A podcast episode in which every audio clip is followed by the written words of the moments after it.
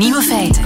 Dag, dit is de podcast van Nieuwe Feiten van donderdag 26 april. In het nieuws vandaag het Engels van de Franse president dat hij kennelijk heeft opgepikt van Allo Allo. You are also here to take your own responsibilities. I shall say this only once. General von Klinkerhoffen has taken personal charge of the district. That's the rule of the game. He is a ruthless beast without mercy or compassion. Don't question the rule of the game. It's always been like that. We cannot operate under his cruel tyranny. That's bullshit. You do not understand. Ja, hoe moet dat geklonken hebben achter gesloten deuren in de Oval Office? Oh, Donald, hold me in your strong arms. De andere nieuwe feiten vandaag. Google is beter dan Facebook als het om privacy gaat.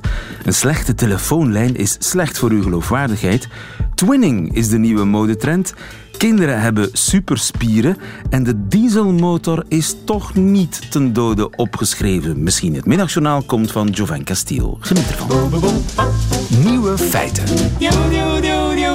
Gaan we dan toch blijven dieselen? Bosch, het Duitse bedrijf, beweert een schone dieselmotor te kunnen maken. Professor Verhelst, goedemiddag.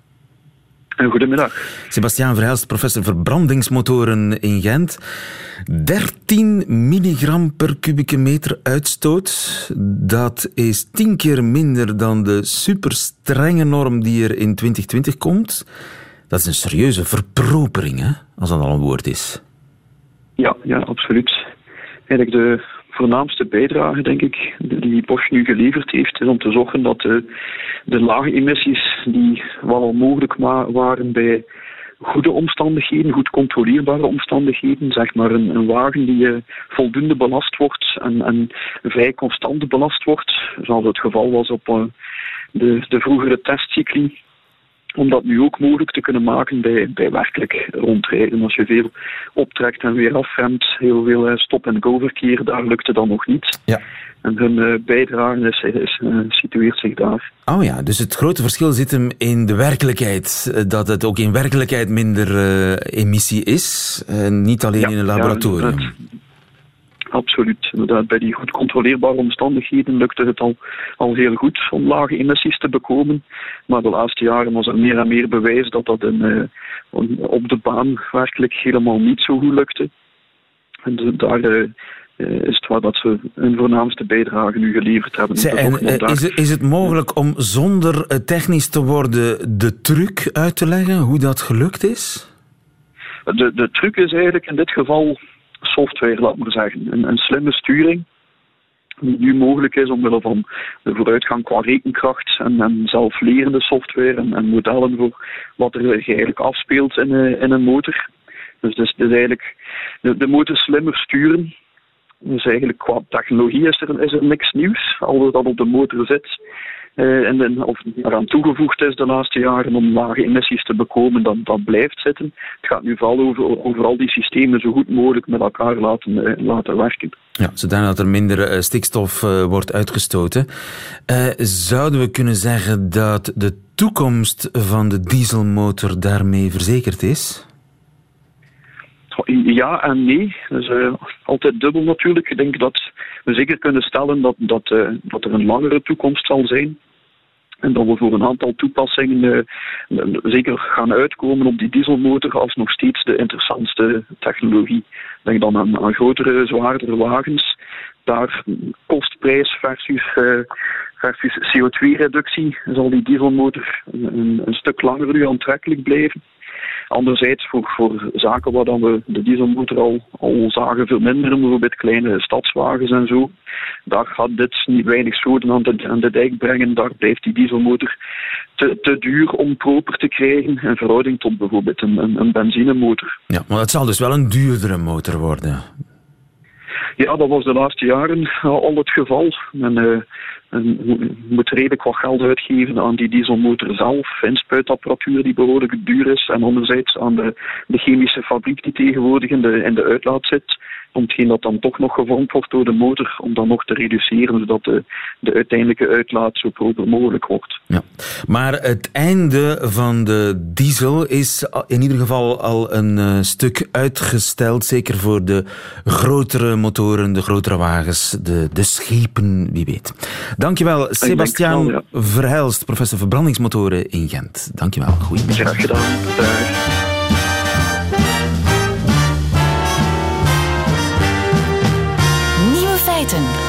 Kinderen hebben superspieren, blijkt uit onderzoek. Professor Meusen, goedemiddag. Goedemiddag. Romain Meusen, de inspanningsfysioloog van de VUB. Ja, je ziet ze rondrennen hè, de hele dag, die kinderen. En sanderendaags opnieuw de hele dag rondrennen zonder sporen van stijve of vermoeide spieren. Ik zou het niet kunnen. Ehm, nee, ik denk het niet dat u dat zal kunnen. En het is uh, ook juist omschreven. Dat is nu wat kinderen doen. Die lopen meestal uh, korte afstanden, iets sneller. En als het nodig is, dan rusten ze. Um, u, u, baseert zich op een, een artikel dat uh, net verschenen is. Waar ja, men ze hebben dat onderzocht, hè, hoe dat ja. kan, dat kinderen geen vermoeide, stijve spieren krijgen. Uh, om, om welke leeftijd gaat het eigenlijk? Wel, dat zijn prepuberale kinderen. Dat zijn kinderen die nog niet in de puberteit zijn. En die gaan hun spieren iets anders gebruiken dan een volwassen uh, man of vrouw. En ze hebben dat getest. Hè? Ze hebben dus kinderen tussen 8 en 12 uh, dezelfde proeven laten doen uh, als ongetrainde volwassenen en ook, en dat was dan een derde groep, als duursporters. Dus ja. mensen die echt getraind zijn. Fysiek, zware fysieke proeven, zo rennen, lopen, fietsen, dat soort dingen. En, en wat blijkt uit dat onderzoek? Wel, ze hebben die drie groepen van uh, proefpersonen een Wingate-test laten doen. En een Wingate-test is een, uh, een test waarbij je op uh, 30 seconden op een ergometerfiets zo snel mogelijk rijdt, maar de weerstand van die fiets wordt altijd maar harder en harder, ja. totdat je een maximum bereikt. En aan de hand van enkele berekeningen en aan de hand van een aantal metingen, onder andere lactaat, komen ze tot de vaststelling dat die kinderen eigenlijk op dezelfde manier die inspanning leveren als de goed getrainde duuratleten. En daardoor ook wat beter, minder verzuren dan de niet getrainde proefpersonen. Dus kinderspieren verzuren niet? Wel, wat minder omdat die uh, nog niet uh, volwassen zijn, die spieren, en daardoor ook wat minder goed lactaat kunnen aanmaken. En ook de afbraak daarvan gebeurt nog altijd op een andere manier. En vandaar dus dat ze ook nooit stijf worden, want stijf zijn is verzuring. En vermoeide um, spieren andere... zijn verzuurde spieren. Wel, vermoeide spieren uh, zijn vooral spieren die beginnen een beetje te, te weigeren om te werken. Dat kan door de verzuring zijn bij korte, hevige inspanningen, maar dat kan ook uh, bij heel lange duurinspanningen zijn, omdat ze onvoldoende uh, substraat, dus brandstof, nog aanwezig hebben. Ja. Maar hoe komt het dat kinderen kennelijk dat melkzuur niet aanmaken? Wel, ze maken het wel aan, maar in, in even of, weinig of, mate. Weinig melkzuur aan, maar hoe kom, ja. is daar een reden voor?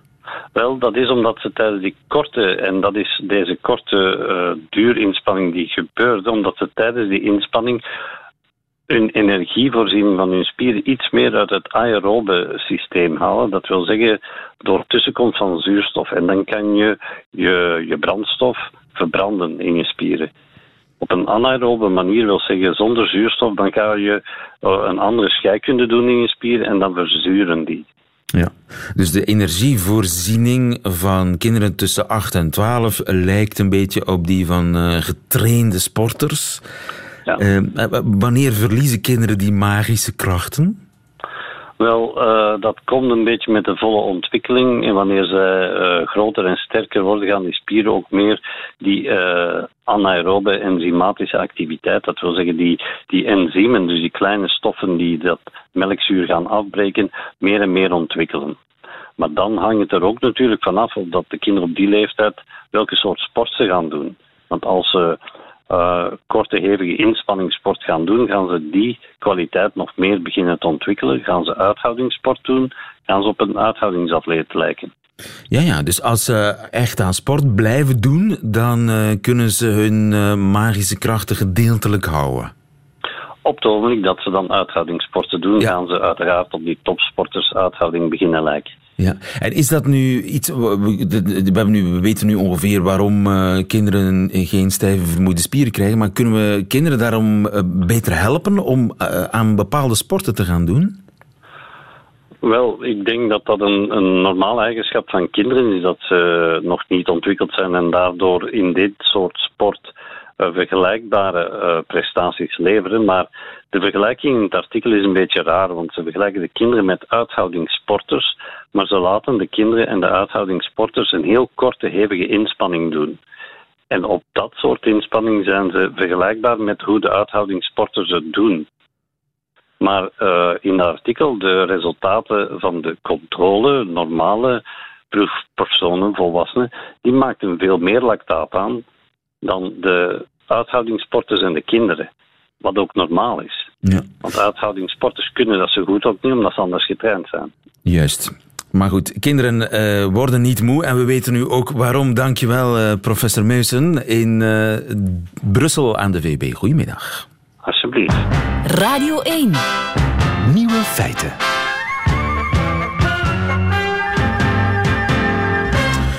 Zou Google dan zoveel beter zijn dan het vermalendijde Facebook? Chloe Willaerts, goedemiddag. Hey, goedemiddag. Chloe, je bent tech-expert. Zit jij nog op Facebook? Absoluut. Ik zou, het is heel moeilijk om nu nog zonder Facebook uh, te leven. Hè? Je mist heel veel. De populaire tv-presentator Arjen Lubach in Nederland, die zit er niet meer op. Het is een onbetrouwbare, liegende, megalomane, schijnheilige, privacy-schendende, blauwe tering-site waar je elke dag toch weer naartoe gaat. Van, oh ja, even checken hoe het zit. Het slaat nergens op. Dus het is heel simpel. We moeten er gewoon vanaf. We moeten van Facebook af. Arjan Lubach zegt bye bye Facebook en zet zijn filmpjes voortaan alleen nog op YouTube. Een bedrijf van Google. Is dat dan zoveel beter, Klo? Ah, het, is, het is eigenlijk, hebben al die grote bedrijven, aan wie we zoveel vertellen, hebben die een grote verantwoordelijkheid. En dat geldt uiteraard niet alleen voor Facebook, maar inderdaad ook voor Google. Want Google weet toch minstens evenveel als Facebook? Ja, een van, de grote, een van de grote verschillen is dat we op Facebook zelf vertellen uh, wat we allemaal uh, doen en graag hebben en onze interesses en onze vrienden. Terwijl Google vooral veel te weten komt door je surfgedrag en je zoekopdrachten. Hè. Dus je geeft het niet echt zelf. Je zit het niet zelf in te typen of je zit het niet zelf te uploaden. Ja, maar ik mail wel via Gmail. Ja, ik, om eerlijk te zijn, ik heb dat ooit eens, dat was een onzalige dag een paar jaar geleden, om uh, volledig niet digitaal door het leven te gaan. Dus ook geen muziek, geen aanbevelingen, geen e-mail, geen vrienden. En dat was een verschrikkelijke dag. Ik wil dat nooit meer meemaken. Het is heel moeilijk geworden hè, om zonder Google en, en Apple en Facebook en Amazon en zo, om daar nog mee te leven. Want, en ondertussen weten die bedrijven veel meer over ons uh, dan we zelf beseffen. Hè? Maar dus niet alleen mailen via Gmail, maar ook uh, ja, uh, video's kijken op YouTube, zoeken op internet via Google zelf uiteraard. En als ik ergens naartoe ga, gebruik ik Google Maps. Dus Google weet wie ik mail, wat ik bekijk, wat ik interessant vind en waar ik naartoe ga. Ja, en wat zij daaraan interessant vinden is dat ze eigenlijk kunnen voorspellen waar je rijp voor bent. Uh, in, in mijn geval bijvoorbeeld zou je dan kunnen afleiden dat ik rijp ben voor een nieuwe auto. En dat is interessant voor adverteerders. En gebruiken ze die kennis ook? Want ja, ze verkopen ook reclame natuurlijk. Dat is ook het verdienmodel van Google, net als bij Facebook. Ja, absoluut. En zo zit het hele mediamodel in elkaar. Hè. Uh, uh, wij geven onze aandacht, uh, wij, kunnen naar filmpjes kijken, leuke dingen doen en in ruil uh, geven we wat bloot over waar we eventueel voor openstaan. Maar in principe, heel, ons, heel onze wereld verraadt ons. Hè. Het is niet alleen Google en Apple, het is ook ons huis en onze auto bijvoorbeeld. Um, stel nu dat ik een, een, een hobby heb waarin ik dingen verkoop die het daglicht niet mogen zien als de politie weet dat mijn GPS bijvoorbeeld al die adressen onthoudt, volstaat dat eigenlijk om daar eens in te kijken.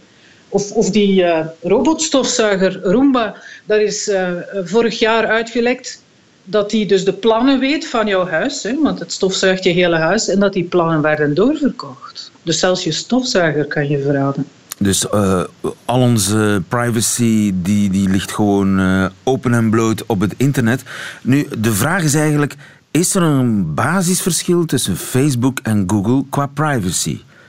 Ik vind zelf van wel, ja. Uh, al een aantal jaar geleden uh, uh, heeft de toenmalige CEO van Google, Schmidt, heeft hij gezegd: Kijk, ik vind dat the right to be forgotten, het recht om vergeten te worden, om zoekresultaten te wissen, uh, dat dat eigenlijk superbelangrijk is als het over privacy gaat. En hij was een van de eerste om daarmee te beginnen. Het is ook helemaal niet zo moeilijk om te weten te komen wat Google over jou heeft van gegevens en wat ze daaruit afleiden uh, voor adverteerders. Uh, als je nu uh, googelt, sorry, me on the web, hè, dus ME, me on the web, en inlogt, dan kan je letterlijk zien wat Google allemaal over jou weet. Je kan dat aanpassen, je kan dingen deleten, je kan dat helemaal wissen. Dus dat is eigenlijk helemaal volgens het boekje. Hè? Ah ja, dus me on the web. En, en ik, Me kan, on the web. ik kan mezelf uh, bijspijkeren op uh, Google. Ja, als je daar ziet dat het uh, qua voorkeuren voor die auto de foute richting uitgaat, dan kan je dat gewoon aanpassen. En, en dat is volgens de, de letter van de privacywetgeving. Hè? Dus Google neemt privacy iets serieuzer dan Facebook. Ze gaan iets voorzichtiger om met de kennis die ze hebben. Uh, ja, over mij en, en over mijn doen en laten. Uh, zijn ze ook beter in het bestrijden van fake nieuws en van haatvideo's? Uh, vooral YouTube is een beetje een, een, een doorn hè, in, in het oog van, van Google, omdat daar heel veel content op gezet wordt die ze niet altijd uh, kunnen checken. En, en daar worstelen ze op dit moment mee. En volgens mij is dat nog altijd de fout van Google zelf. Ze zijn een beetje laks geweest uh, bij YouTube voor je identiteit. Ze hebben geprobeerd om mensen te dwingen om een, uh, een, een serieuze Google Plus identiteit te hebben om nog dingen te kunnen doen op YouTube. En dat is niet gelukt. Dus je kan nu om het even wie zijn op YouTube en om het even wat uploaden. En zolang die video niet viraal gaat, zou dat heel goed kunnen dat die daar een jaar blijft staan en dat bijvoorbeeld kinderen video's te zien krijgen waar ze weken niet goed van zijn. Ja, dus uh, Google en YouTube, het zijn geen heiligen, maar ze, ze doen beter hun best in de privacy-klas dan uh, Facebook. Ja, maar we moeten toch blijven opletten. Ik vind het heel belangrijk dat dit soort dingen in het nieuws komt, uh, zodanig dat iedereen toch een geïnformeerde keuze kan maken. Niemand heeft er eigenlijk baat bij om zo te beginnen met de handen te flapperen en gillend de kamer uit te lopen. Weg met Facebook, weg met Google. Uh, maar je moet toch een beetje uh, zelf, dat kan je zelf doen bijvoorbeeld. Er zijn bepaalde dingen waar niemand zaken mee heeft. En die zou je ook beter nooit online meegeven. Nou, bijvoorbeeld je politieke voorkeur, je religieuze voorkeur, je seksuele voorkeur wees daar toch een beetje voorzichtig mee. Chloe Laerts, dankjewel. Goedemiddag. Graag gedaan. Nieuwe feiten. Twinning. Doet u al aan twinning? Katrien de Kok, goedemiddag. Goedemiddag. Cultuurjournaliste bij De Standaard. Twinning, wat is dat? Twinning, dat is dat je je outfit op elkaar afstemt. Uh, je draagt gelijkaardige kleren of, of zelfs helemaal dezelfde kleren. Je kunt het doen met, met je beste vriendin, met je broer, met je zus. Um, maar ook dus met uh, je kinderen bijvoorbeeld. Ook met je kinderen, moeder en dochter dezelfde jurk. Dat is een trend tegenwoordig en dat heet uh, twinning. Ja, ja, ja. Je ziet het uh, op uh, de catwalk. Um, uh, je ziet ook dat, dat fashionistas naast de catwalk, die dan zo rondhangen, dat die ja, vaak opdoken in dezelfde outfit samen. En zo de aandacht trokken ook van de streetstyle fotografen. En op ja, zo heel veel likes halen op Instagram. Ja, maar vroeger was dat toch de ramp, de, de fashion ramp bij uitstek. Als iemand dezelfde jurk, dezelfde kleren ja. aan had. Ja. Dat was het Ja, ergste ja, wat je kon overkomen. dat, dat, en, en ook dezelfde kleren inderdaad. als je vader of als je moeder. Dat was ook ondenkbaar vroeger, toch? Ja, ja zeker. Um, maar nu is het een manier eigenlijk om heel snel de aandacht te trekken. Je kunt het eigenlijk niet loszien van, uh, van sociale media. Um, ja, je valt op hè, als, je, als je samen hetzelfde aantrekt. Uh, het ziet er leuk uit, het ziet er schattig uit, het ziet er grappig uit. Um, en uh, ja, zo kun, je, zo kun je dus heel snel die likes halen. Hè. Maar uh, En wat, je- is, ook- wat is er eigenlijk veranderd? Waarom was, was het vroeger zo ondenkbaar en is het nu hip? Wat, er is iets in de samenleving veranderd misschien. Ja, um, ik denk dat je twinning um, niet los kunt zien ook van, van die obsessie die er toch wel is in onze samenleving om eeuwig jong te blijven. Een vader die, die de dinosaurus-truien uh, draagt van zijn, uh, van zijn achtjarige zoon. Dezelfde Ja, gescheurde jeans. ja, ja een, een David Beckham bijvoorbeeld, die, die hetzelfde uh, legerjasje draagt en dezelfde muts als zijn, als zijn tienerzoon. Ja, die geeft daarmee aan van kijk, um, één, wij zijn, wij zijn verbonden met elkaar, wij, vol, wij vormen samen een twee-eenheid. Maar ook, um, ja, ik ben nog mee. Kijk, ik draag wat coole jongens van, uh, van 19 dragen. Ja, maar kun je dat, uh, David Beckham, hoe oud is hij? Uh, 40 zo ongeveer? Ja, 42. Voilà. Uh, dacht, ja. kan dat, hoe lang kan hij nog dat volhouden? Tot zijn 52ste bijvoorbeeld? Ja, wel, eh, ik denk dat het probleem met twinning is als je dat uh, ja, af en toe eens doet voor de grap om op te vallen, ja, dan, dan kan je er nog mee wegkomen. Maar als het echt systematisch wordt, ja, dan wordt het op de duur zelfs een beetje angstaanjagend, uh, denk ik. Ja, zou je het zelf overwegen? Uh, nee, nee, ik heb uh, twee zoontjes, maar uh, nee, ja. wij doen niet aan, aan twinning voorlopig. En denk je dat de trend een blijvertje wordt?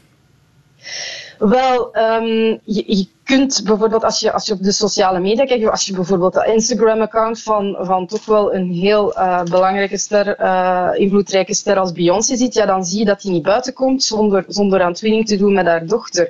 En dat doet ze nog steeds. Dus ik denk dat het nog wel eventjes zal, zal blijven duren. Ja. De twinning, probeer het zelf misschien eens uit. Tweelingetjes spelen. Dankjewel, Katrien de Kok. Goedemiddag. Ja, graag gedaan. Dag. Nieuwe feiten. Een slechte telefoonlijn, dat is slecht voor uw geloofwaardigheid. Wouter Duik, goedemiddag. Dat klopt. Goedemiddag, lieve. Professor Duik, psycholoog aan de Universiteit van Gent. Gelukkig via een glasheldere Skype-verbinding. Want anders dat hoop ik. zou ik u niet alleen moeilijker kunnen verstaan, ik zou u ook moeilijker kunnen geloven, blijkt uit onderzoek. Hoe hebben ze dat getest? Ja, inderdaad. Ehm, nu goed, dat is een effect in de psychologie wat al langer bekend is. Wij noemen dat cognitieve vloeiendheid met een moeilijk woord. En wat betekent die cognitieve vloeiendheid eigenlijk? Um, dat wil eigenlijk zeggen dat ons brein gemaakt is om dingen uh, die familiair zijn, die we gewoon zijn, die we gemakkelijk kunnen verwerken, om die als leuk, als aangenaam, als interessant uh, te vinden. En dat is eigenlijk al een heel oud effect. We weten bijvoorbeeld dat als je een krant afdrukt in blauwe letters op een wit papier, dat mensen krantenartikels dan bijvoorbeeld meer gaan geloven dan wanneer je hetzelfde artikel in een moeilijk lettertype afdrukt. Dus dat is eigenlijk wel een bekend effect. Dus het is um, eigenlijk wat het, uh, het spreekwoord zegt, wat den boer niet kent, lust hij niet. Dus wat hij niet verstaat, gelooft hij niet. Het is eigenlijk een beetje ja. dat. Ja, inderdaad. Ons brein heeft zo'n mechanisme waarin het detecteert hoe moeilijk iets te verwerken is. En hoe moeilijker iets te verwerken is, dan denkt het brein niet: hé, hey, dit ligt aan mij, ik heb moeite om dit te begrijpen. Uh, maar dan moet het aan de boodschap liggen. En zoals ik zei, voor gewone feitjes of voor boodschappen van politici, weet men dat eigenlijk al lang. Maar nu heeft men eigenlijk ook voor het eerst getest of dat ook opgaat voor wetenschappers. En dat is natuurlijk belangrijk, omdat we hopen dat de bevolking, dat die wetenschappers gaan geloven. En dus dacht men, ja kijk, bij wetenschappers, als iemand met een zekere faam, met een zekere expertise, een verhaal vertelt, dan doet de verpakking er niet zoveel toe. Het gaat om de inhoud, dat, dat is wat mensen denken. Ja, inderdaad. Het gaat vooral om de inhoud. Zo hoopt men dan, en men hoopt dan dat dat meer geldt voor wetenschap dan bijvoorbeeld voor politiek. En dus heeft men dit nu voor het eerst getest bij wetenschappers. En men heeft eigenlijk proefpersonen, een stuk of honderd, laten luisteren naar YouTube YouTube-filmpjes um, van een ingenieur en van een fysicus die hun onderzoek uitleggen op een congres. Ja? En de slimme aan dit onderzoek was dat men die filmpjes eigenlijk bewerkt heeft. De helft van de mensen die luisterden naar de filmpjes met een goede geluidskwaliteit en de andere helft van die mensen uh, die luisterden naar de filmpjes in een slechte kwaliteit.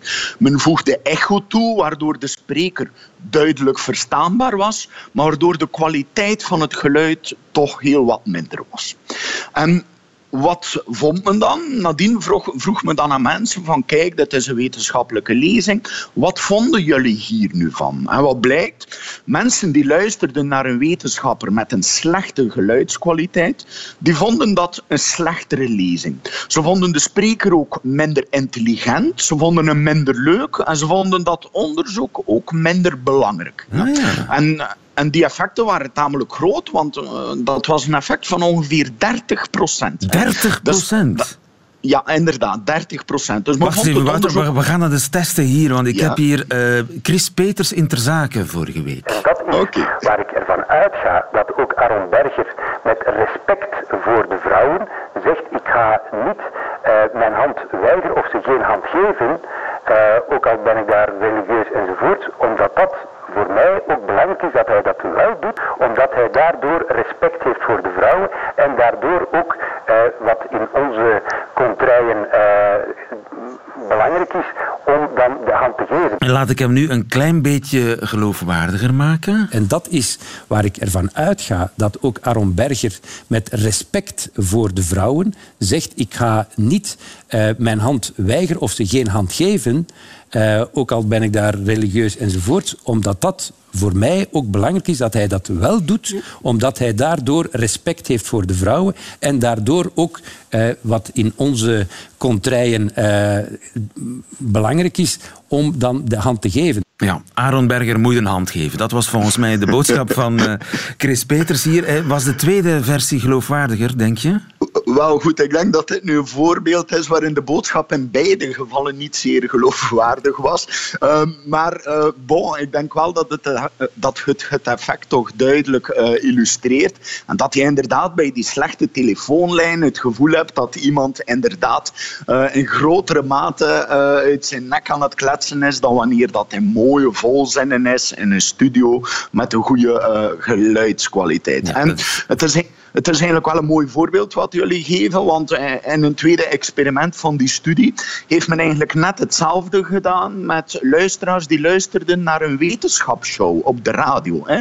Dus een beetje de Australische nieuwe feiten, zeg maar, maar dan eentje uh, waarin wetenschap uh, ernstig benaderd wordt. Dus die, die show wordt gezien als een heel geloofwaardige show. En ook daar liet men dan een geneticus en een fysicus aan het woord. En in het ene geval gaf men mooie VRT-studiokwaliteit. En in het andere geval manipuleerde men de audio zodat het klonk als een slechte telefoonlijn. En ook daar net dezelfde effecten. Ze waren iets minder groot, ongeveer 10%. Maar zelfs als je wetenschappers opvoert in een gereputeerde wetenschapsshow met een duidelijke context, dan merk je dat de verpakking er toch duidelijk toe doet. Ja, dus politici en wetenschappers zijn uh, gewaarschuwd en ook alle andere mensen, als je wil dat je geloofwaardig overkomt, doe het dan niet via een slechte mobiele telefoonlijn. Dankjewel, Wouter Duik. Goedemiddag.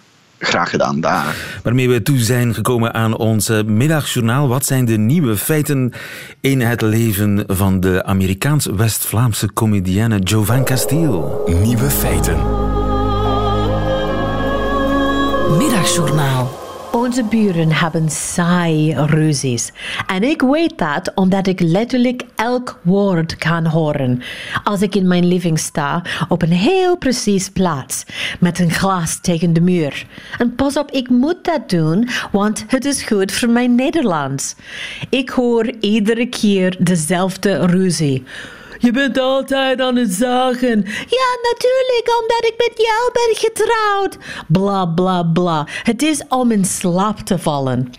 Er was een koppel dat vroeger in ons huis woonde. En zij zijn een legende in onze straat door hun spannende creatieve ruzies.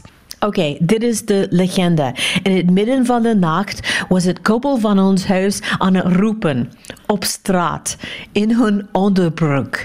En daarna liep de vrouw met een bijl achter de man en zijn ze roepend het kerkhof opgelopen.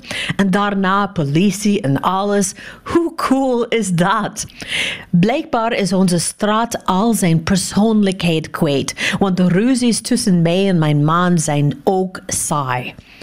Onze ruzies zijn zo saai en voorspelbaar dat we nu elk van onze ruzies een nummer hebben gegeven om tijd te sparen.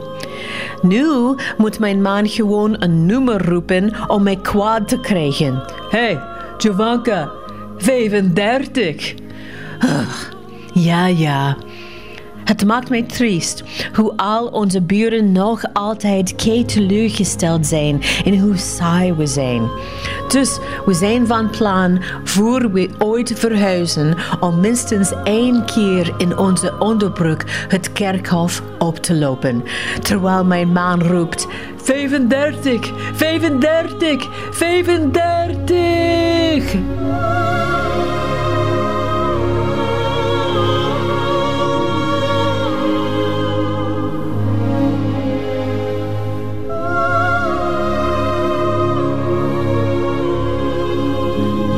Middagjournaal van Jovanka Stiel. Einde van deze podcast. U vindt er nog veel meer op radio1.be en op de gebruikelijke podcastkanalen. Tot de volgende keer.